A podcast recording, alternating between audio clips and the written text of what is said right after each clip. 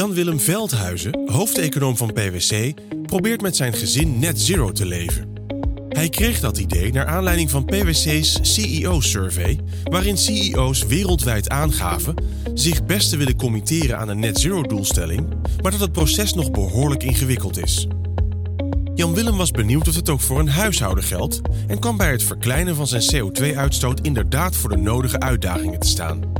Met PwC-experts Karin Meijer en Brit Snieders praat hij over zijn experiment en gaat hij in op de huidige ontwikkelingen rondom het tegengaan van klimaatverandering en hoe organisaties daaraan kunnen bijdragen. Hey Karin, hoi Brit, kom erin. Pak stoel, ga zitten. Ja, dankjewel.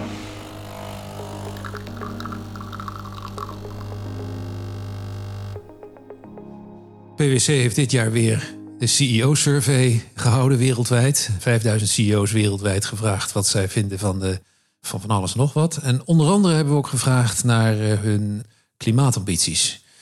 Wat viel nou op? Dat die CEO's eigenlijk allemaal ervan overtuigd zijn. Hè, wereldwijd, ja, wij moeten wat doen aan het klimaat. Wij moeten daar zelf ook veel aan doen. Wij geven net zero commitments af. Of wij geven carbon neutrality commitment af. Nou ja, maar waar het allemaal op neerkomt is... wij zijn serieus bezig met dat klimaat. Alleen we vinden het wel hartstikke lastig. Nou, toen dachten wij, hoe lastig kan dat zijn? Dus dacht ik, weet je wat, wij gaan het met het gezin eens even doen. Ik kreeg mijn gezin redelijk eh, snel enthousiast. Hè. Laten wij eens proberen te kijken, hoe kunnen wij nou als gezin net zero worden?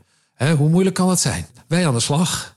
Nou, dan loop je tegen heel veel dingen aan. Tegen definities, tegen rekenen, tegen wat doe je nou eigenlijk weer precies de scope van onze emissies als gezin. Dat viel toch niet mee. Dus misschien hebben die bedrijven, die CEO's wel een punt. Ik zit hier bij mij thuis en ik heb uh, twee gasten gevraagd om daar vanmorgen eens over te komen praten. Karin Meijer en Brit Snieders van PwC. Nou, welkom. Dank je. Dankjewel. Karin, met jou beginnen. Misschien kan je iets over jezelf zeggen voor degenen die luisteren. En wat beweegt jou? Nou ja, kleine intro. Ik heb uh, al die jaren dat ik bij PwC werk uh, klanten geholpen met uh, rapportages, financiële rapportages. Maar ben ook al heel lang betrokken bij klanten in de energiesector. Dat is een sector die natuurlijk al een aantal jaren bezig is met de energietransitie. En langs die lijnen ben ik geïnteresseerd geraakt in ja, wat, wat is energietransitie, maar ook hoe belangrijk is het om te rapporteren daarover en over die niet-financiële informatie. Langs die route ben ik terechtgekomen in klimaatverandering en bedrijven helpen bij het zetten van klimaatdoelstellingen. Waarbij ik heel duidelijk uh, die, uh, die focus op reporting heb. En wat ik heel bijzonder aan dit onderwerp vind, het is heel complex. Het is van levensbelang. Ik bedoel, ik heb jonge kinderen, die wil ik ook een toekomst bieden. En we kunnen dit niet alleen. Dus ik vind het heel erg leuk dat ik dit onderwerp ook samenbreng met collega's. Wij werken in ons team met biologen, klimaatdeskundigen en dus uh, nou ja, types zoals ik met een uh, accounting-achtergrond die uh, registeraccountant zijn. Op dit moment zijn heel veel van onze klanten bezig met het zetten van die klimaatdoelstellingen. Maar dat is iets nieuws. Dat is niet iets wat we al jaren doen. We zijn al jaren gewend om financiële doelstellingen te zetten en die te halen. We hebben daar systemen voor. En we weten eigenlijk precies hoe we dat moeten doen en moeten voorspellen. En bij niet-financiële informatie, als je het hebt over het in kaart brengen van een CO2-footprint, ja, daar zijn heel veel basisvoorwaarden eigenlijk nog niet voldaan. Namelijk betrouwbare informatie hebben, goed kunnen inschatten of je een doelstelling kunt halen. Dat maakt het heel ingewikkeld en nieuw, maar daardoor ook heel interessant. Brit, naar jou. Jij zit in dat team. Jij maakt ook deel uit van dat team, toch? Ja, dat klopt inderdaad. Wat drijft jou? Nou, wat mij in het begin dreef was, ik vond circulaire economie heel interessant. En dat gaat dan om van oké, hoe kunnen we eigenlijk een keten sluiten zodat we alle materialen die we gebruiken, maar steeds kunnen hergebruiken en niet nieuwe dingen uit de aarde uh, hoeven te halen. Maar een heel groot deel daarvan is natuurlijk ook duurzame energie. Want ja, zonder duurzame energie ook geen circulaire economie. Kun je dat uitleggen? Zonder... Nou, ja, dat kan ik wel uitleggen. De circulaire economie gaat er dus om van nou, van alle materialen die in mijn laptop zitten. Als die laptop kapot gaat, dan ga ik al die materialen opnieuw uh, weer tot een nieuwe laptop of een ander product maken. Maar om dat te doen, heb ik natuurlijk machines nodig. En die machines die lopen op energie.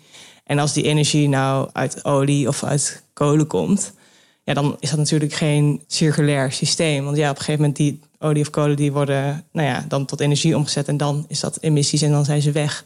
Terwijl als er bijvoorbeeld zonne-energie, de zon blijft gewoon schijnen natuurlijk. Dus dat gaat gewoon door en door. En zo blijft de cirkel eigenlijk rond. Waar moet ik nou aan denken aan de, de, de grote dingen waar CO2 in zit? Waar zit CO2 nog meer in als wij het. Uh, um, ja, als we naar ons persoonlijke leven kijken, is natuurlijk, uh, nou ja, als je naar je huis kijkt, van hoe je dat verwarmt, uh, je elektriciteit die je gebruikt, maar ook heel erg je transport. Dus nou, de laatste jaren misschien iets minder met corona. Maar daarvoor denk ik dat heel veel Nederlanders heel regelmatig vlogen. En ook als je dat niet doet, als je de auto pakt die op diesel of benzine loopt, dan zit daar een heel groot stuk in.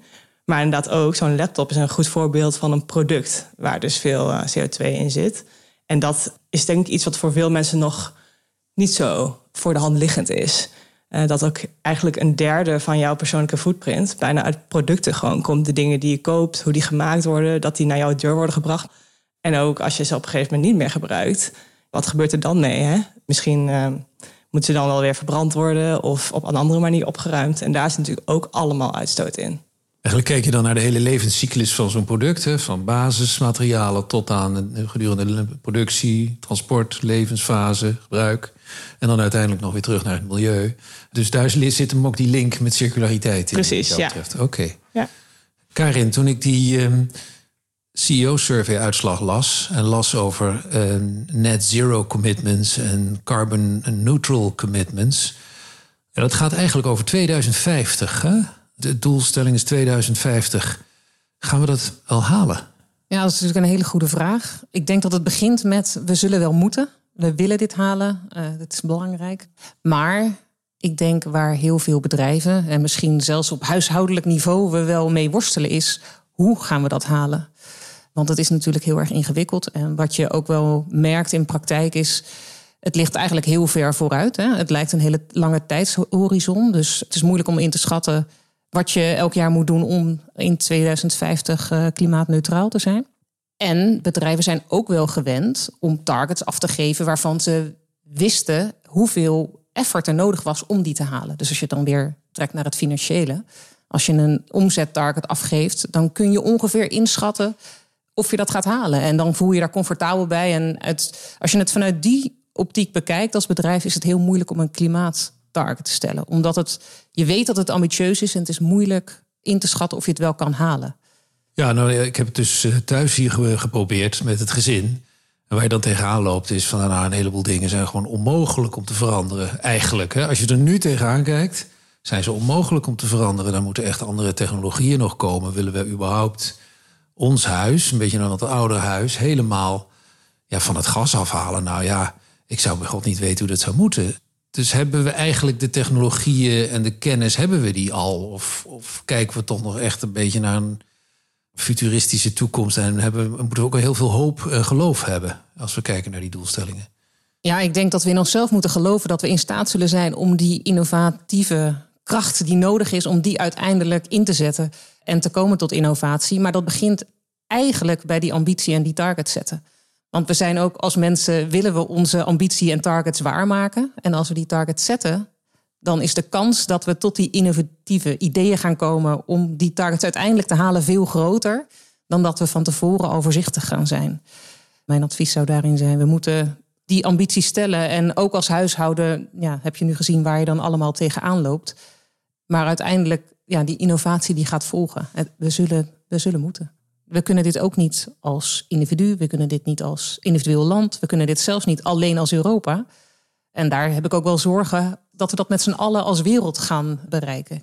Iedereen moet meedoen. Ja, daar komen we denk ik straks nog even op terug, dat het een wereldprobleem is. Want Brit, die, je schetste net die, uh, zo mooi die levenscyclus van bijvoorbeeld een laptop... of de batterij van een elektrische auto enzovoort. Dus waar eigenlijk stiekem, als je er pas over nadenkt... heel veel CO2 bij komt kijken... Wat kom jij nou tegen bij een bedrijf? Want een bedrijf moet natuurlijk ook dan gaan zitten nadenken... waar zit dan wel niet allemaal CO2 in uh, eigenlijk? Wat kom jij dan tegen? Nou ja, dat klopt inderdaad. Ik denk dat bedrijven, zoals je zegt... die beginnen daarover na te denken van waar zit het in? En dat maakt het gewoon heel lastig, omdat het heel nieuw is voor veel bedrijven. Hè. Ze hebben daar geen data vaak nog over. Ze hebben geen mensen in dienst die gespecialiseerd daarin zijn. Dus het is heel erg zoeken van, goh, waar begin je nou? Nou, gelukkig zijn er wel protocollen, zoals het Greenhouse Gas Protocol... wat heel duidelijk eigenlijk uitleg van welke stappen zou je nou als bedrijf moeten nemen, waar moet je op richten.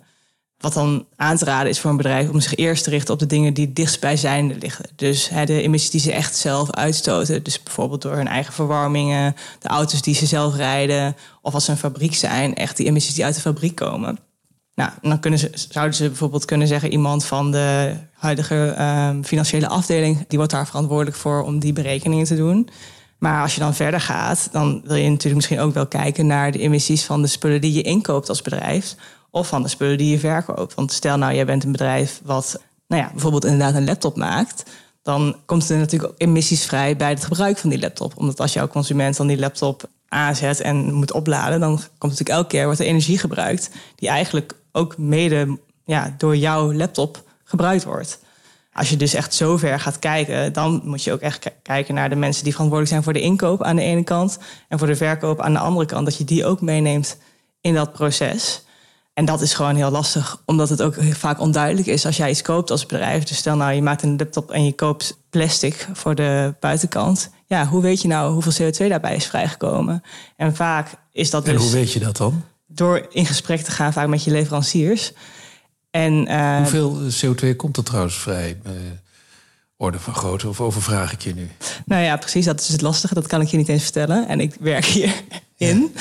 Dus dit geeft denk ik precies aan hoe moeilijk het is. Dus als je een nieuw product koopt, dan heeft dat dus heel veel impact. Vooral als een product als een laptop. Maar ik zou nu niet een orde van grootte kunnen geven hoeveel dat is. En om dat dus duidelijker te krijgen, moet je dus eigenlijk in gesprek gaan met het bedrijf waar jij dingen van koopt. En misschien wel een soort van ja, samenwerking ook aangaan om dat bedrijf dan misschien te stimuleren om dat te gaan meten. Want ja, dat dit klinkt als een, uh, en dat begrijp ik ook wel, maar dit klinkt als een. Uh, nou ja, we zijn een reis aan het maken van het ontwikkelen van kennis. Hè. We hebben dus een doel uh, en, we en we gaan het proberen te meten, maar we hebben eigenlijk nog niet zo'n idee hoe we dat nou precies gaan meten. Precies. Dat is eigenlijk wat je zegt. Maar we willen het wel gaan meten. Ja. Dat doet me een beetje denken aan natuurlijk paar honderd jaar geleden zijn we financiële resultaten gaan meten. Dat heeft natuurlijk ook, uh, we hebben een paar honderd jaar over gedaan om te weten wat ongeveer winst is en, en omzet. Dus we zijn we allemaal een beetje over eens geraakt. Denk, stel ik maar zo voor. Ja. Is het daar een beetje mee vergelijkbaar? Ik denk het heel erg, want ik denk dat er nu. Uh, dus kijk, er zijn wel allerlei manieren om dit soort berekeningen te maken. Maar dat het probleem is dat die allemaal uit elkaar lopen en op aannames gebaseerd zijn. En niet op het product dat jij daadwerkelijk koopt. En als je inderdaad echt op wil gaan sturen, dan moet je echt weten van wat is nou het verschil tussen plastic A en plastic B om een duurzame keuze te maken. Ja, want ik hoor ook die uh, wel eens, ik lees wel eens die discussie over. Ja, een elektrische auto is misschien toch ook niet stiekem zo goed voor het milieu. Uh -huh. Want uh, daar komt die batterij bij. Hè? Ja. Nou, eigenlijk een beetje het verhaal wat jij ook vertelt. Dus het ligt gecompliceerder hè, ja. allemaal. Maar hoe kom je daar dan op een gegeven moment uit? Want je moet toch iets rapporteren. Of hè, dat, dat, vertelt Karin net. Je moet toch iets opschrijven en afspreken de, met de buitenwereld. Nou, zo, zo zit het. Zoveel kilo was het. Anders, anders, anders uh, als je discussies over de definities blijft houden, dan wordt het niks, toch? Of, uh... Dat is waar. Ja, dus ik denk wat je daarin ziet van hè, de elektrische auto is in het gebruik natuurlijk veel duurzamer. Die stoot veel minder emissies uit. En dat is een bepaalde scope, noem je dat. In die scope gaan je emissies dus dan duidelijk omlaag als je die elektrische auto, laten we zeggen, koopt. Maar in inderdaad de scope van de producten die je koopt, dat is dan scope 3, zou het best wel kunnen dat die emissies niet per se omlaag gaan door het uh, kopen van die auto. Aan de andere kant zie ik het ook zo, als wij niet gaan investeren in elektrische auto's, dan worden ze ook nooit duurzamer. En de auto's die we nu hebben, zijn sowieso al niet duurzaam. Dus dat pakt dan misschien een beetje terug op het punt van Karin. En we moeten ook vertrouwen in hebben dat als we zeg maar, nu een elektrische auto kopen, die misschien nu hè, alleen in het gebruik duurzamer is, maar dat daardoor ook investeringen mogelijk worden in nieuwe ontwikkelingen die ook end of life duurzamer zijn. Je noemt zo even scope 3. Wat is scope 3, Karin? Nou, wat uh, Britt ook aangaf, is dat het eigenlijk wel heel erg belangrijk is dat we allemaal zelfde standaarden hanteren om te komen tot de berekeningen van CO2. En uh, het uh, Greenhouse Gas Protocol, dat is een van de leidende standaarden die nu door bedrijven gebruikt wordt. En ook, is dat Europees of Nederlands? Of, dat is wereldwijd. Ja, dat wereldwijd. is wereldwijd. En daarin worden scope 1, 2 en 3 emissies omschreven. En scope 1 emissies zijn de, is de eigen uitstoot, dus van de eigen gebouwen. Alles hier in het huishouden.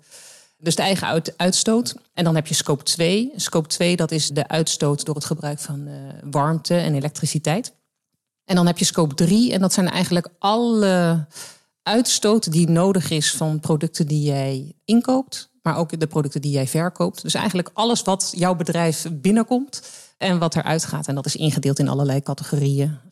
Ja, je noemt dat upstream en downstream. Aan de upstream kant uh, is dat, zijn dat bijvoorbeeld leaseauto's uh, of zijn dat vluchten. En of die laptops. Uh, of die laptops of alles wat je koopt inderdaad. en nou ja, aan de downstream kant zijn dat de producten die je verkoopt met name.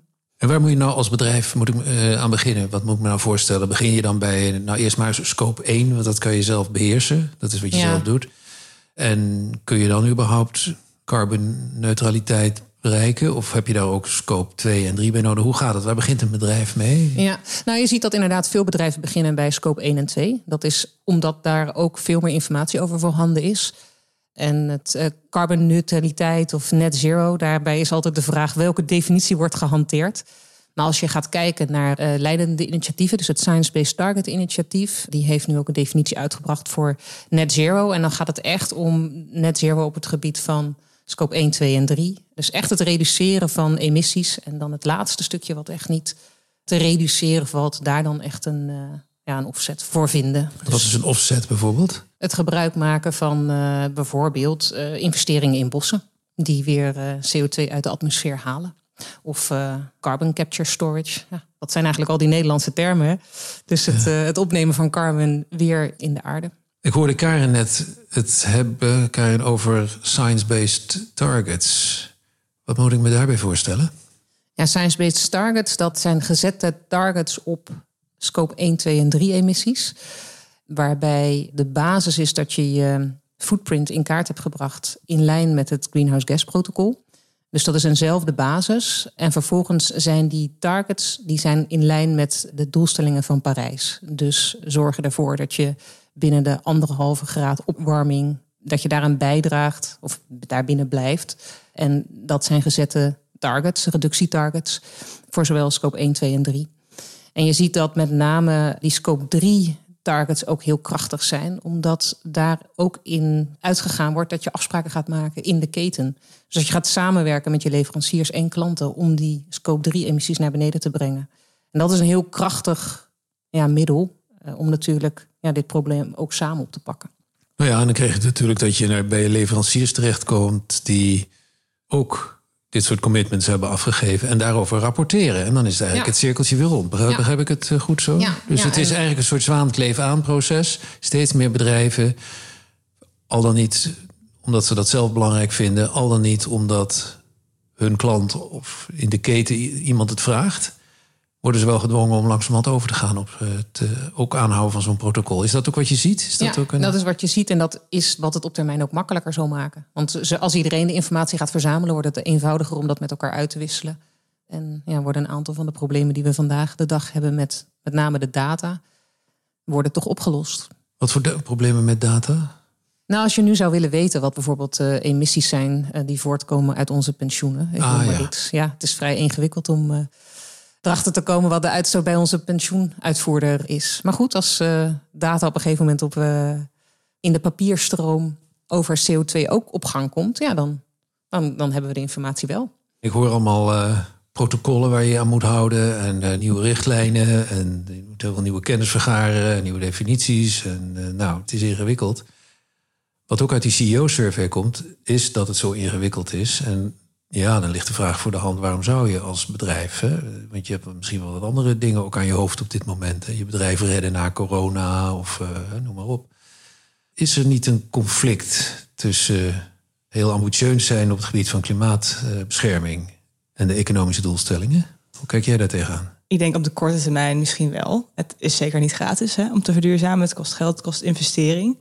Aan de andere kant ik denk dat het veel duurder is om het helemaal niet te doen op de lange termijn. Je ziet ook dat um, nou ja, werknemers zijn schaars op het moment. En mensen willen graag werken bij een organisatie die ook duurzaam is en goed bezig is voor het milieu of het klimaat.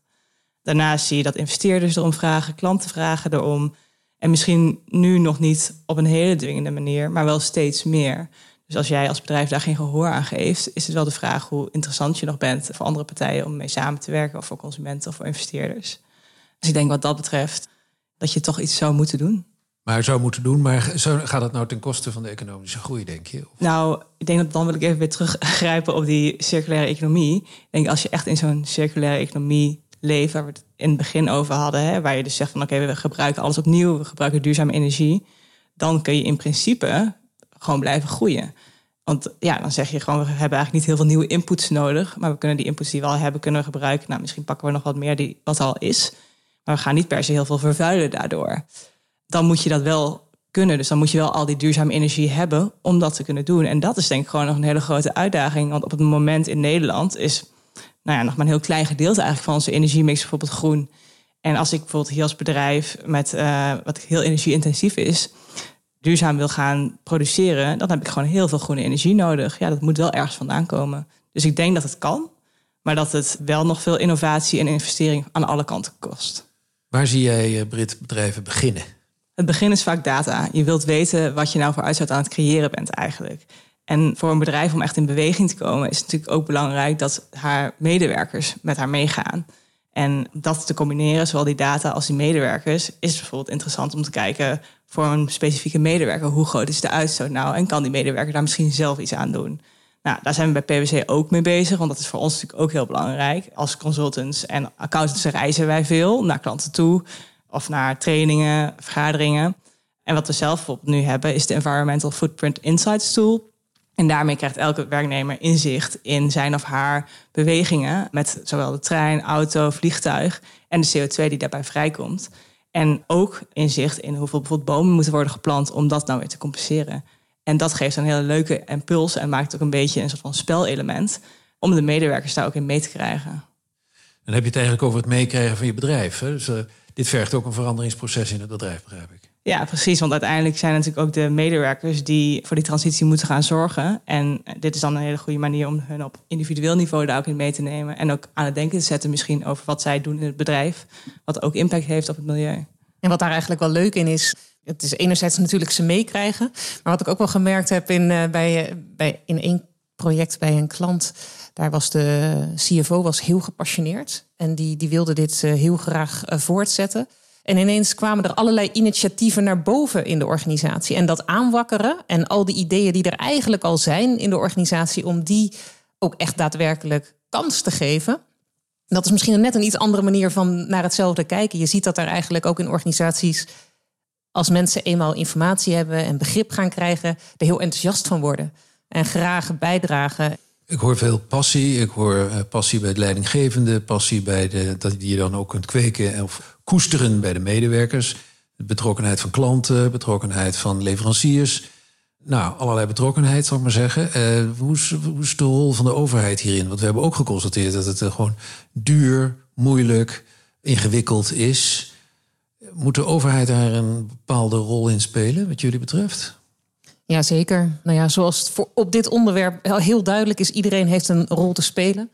En een overheid uh, kan natuurlijk op het macroniveau een hele grote rol spelen door zich te committeren aan de doelstellingen. Dus dat de Nederlandse overheid nu in het coalitieakkoord zegt wij gaan ook voor 55% reductie naar uh, 2030. En eigenlijk gaan we voor 60 om ervoor te zorgen dat we het ook kunnen halen. En daar kapitaal voor vrij te maken, dat te herallokeren naar duurzame investeringen. Daar hebben ze natuurlijk een hele grote rol te vervullen. Ook niet eenvoudig en ook net zo ingewikkeld als voor een individueel huishouden om uiteindelijk uh, die doelstellingen waar te maken. Uh, maar we hebben de overheid daar heel hard bij nodig. Moet die overheid bijvoorbeeld ook uh, die, die standaarden op een gegeven moment zetten? Dat is vaak toch een taak van een overheid, hè, om standaarden te zetten. Dus als het, hoeveel stoot een laptop uit? Nou, dit is de standaard, daar heb je aan te voldoen. Daar moet je mee rekenen. Is dat ook een rol voor de overheid? Of is dat ook iets wat de industrie zelf bepaalt? Of, uh... nou, je ziet dat de overheid ook in het zetten van regels uiteraard belangrijk is. Maar uh, als klein landje wat we zijn in Nederland... is het ook heel erg belangrijk om dat op Europees niveau te doen. Hoe kijk je dan aan tegen de plannen van de regering? Ja, als je nu kijkt naar het coalitieakkoord... dan valt me direct op dat het onderwerp... Uh, het, het staat er direct in. Klimaatverandering is punt 2 in het akkoord... Uh, en er staan een heel aantal um, ja, vergaande stappen in. Dus, hè, dus het investeringsfonds van uh, 35 miljard, een gigantisch bedrag voor de komende 10 jaar. Ja, is dat genoeg? Dat is moeilijk in te schatten, maar het is in ieder geval een hele goede aanzet. Ook valt op dat Limburg wordt genoemd, uh, natuurlijk de overstromingen. En dat wordt direct gekoppeld aan klimaatverandering. Uh, nou, er staat een stevige commitment in naar Parijs en naar het realiseren van de doelen van de reductie van 55, 60 procent. En ook het aanpakken van de moeilijke sectoren. Ja, dus het is een prominent onderwerp. Er staan een aantal hele realistische, maar ook, denk ik, uh, ja, goede targets in. Ja, is het voldoende? Dat, uh, dat is een moeilijke vraag. En het blijft denk ik ook altijd lastig, omdat je natuurlijk in een internationale context zit. Nederland is in principe inderdaad een klein landje. We zijn in Europa onderdeel van een groot ecosysteem. En wij kunnen bijvoorbeeld ook niet in ons eentje zeggen van we gaan bepaalde veranderingen doen, want dan gaan misschien natuurlijk dingen naar het buitenland worden verplaatst. Dus daarom, dat zie je ook bijvoorbeeld in het regeerakkoord, dat er dan wel staat van oké, we gaan kijken naar hoe we fossiele brandstoffen bijvoorbeeld minder kunnen stimuleren. Maar als Nederland bijvoorbeeld zegt, oké, de kerosine, daar gaan wij een veel hogere tax op eh, doen bijvoorbeeld. Dan gaan alle vliegtuigen gewoon in Duitsland tanken. Dus wat lost dat ook op? En dat is denk ik een heel goed voorbeeld van hoe lastig dat soort grote veranderingen ook echt zijn. Ja, ik hoor dat argument natuurlijk wel vaker, maar we, we, we, vinden zelf, we hebben zelf ook tegen elkaar gezegd, ja, je moet wel bij jezelf beginnen enzovoort. Dus als een klant dat nou zegt, hè, van ja, ach, dat komt ook uit die CEO-survey trouwens, hè, heel veel een argument wat veel CEO's geven om het nog niet te doen, is omdat ze zeggen: wij dragen maar zo ongelooflijk weinig zelf bij. We hebben wel wat anders aan ons hoofd, dus waarom zouden we hier. Wat, wat zou je nou tegen een klant zeggen die met dit argument komt? Ik denk één gedeelte is welk bedrijf wil jij zijn? Wil je een voorloper zijn misschien? Wil je die rol nemen en jezelf daarin ook onderscheiden? En dus interessant ook maken voor alle partijen waar we het net over hadden. Aan de andere kant, ook als jij zegt ik heb een kleine impact, dan is die impact misschien ook wel makkelijk te reduceren. En dan kun je misschien ook weer claimen als bedrijf van nou, ik ben net zero. Want bijvoorbeeld zoals voor PwC, de impact zit vooral in de kantoren en het reizen. Dat is relatief makkelijk om daar iets aan te doen. Als jullie nou minister Jette tegenkomen in de lift en zou één ding hem op het hart willen drukken, wat zou dat dan uh, zijn, Brit? Nou, ik denk ten eerste dat standaardisatie gewoon heel belangrijk is. Om echt te kunnen gaan vergelijken tussen bedrijven en ook stappen te kunnen gaan zetten, moeten we eerst een standaard manier hebben van meten en rapporteren. En nou ja, daarin kan ook Nederland of Europa een rol spelen om daar een impuls aan te geven. En, en jij, wat zou jij daar dan vervolgens aan toevoegen, Karin? Ik zou zeggen, ben heel ambitieus. Zet hele stevige targets en doelstellingen, ook als het nog onduidelijk is of je die wel kan halen. Want het zetten van die stip op de horizon gaat bijdragen aan uh, nou, de innovatie die nodig is en gaat de middelen vrijmaken. Dankjewel voor het luisteren. Heb je vragen naar aanleiding van deze podcast of wil je reageren? Dat kan. Stuur ons een e-mail op podcast.nl.pwc.com. Wil je geen enkele aflevering uit deze serie missen? Volg dan onze podcast in jouw favoriete podcast-app. Voor nu, dank voor het luisteren en tot een volgende keer.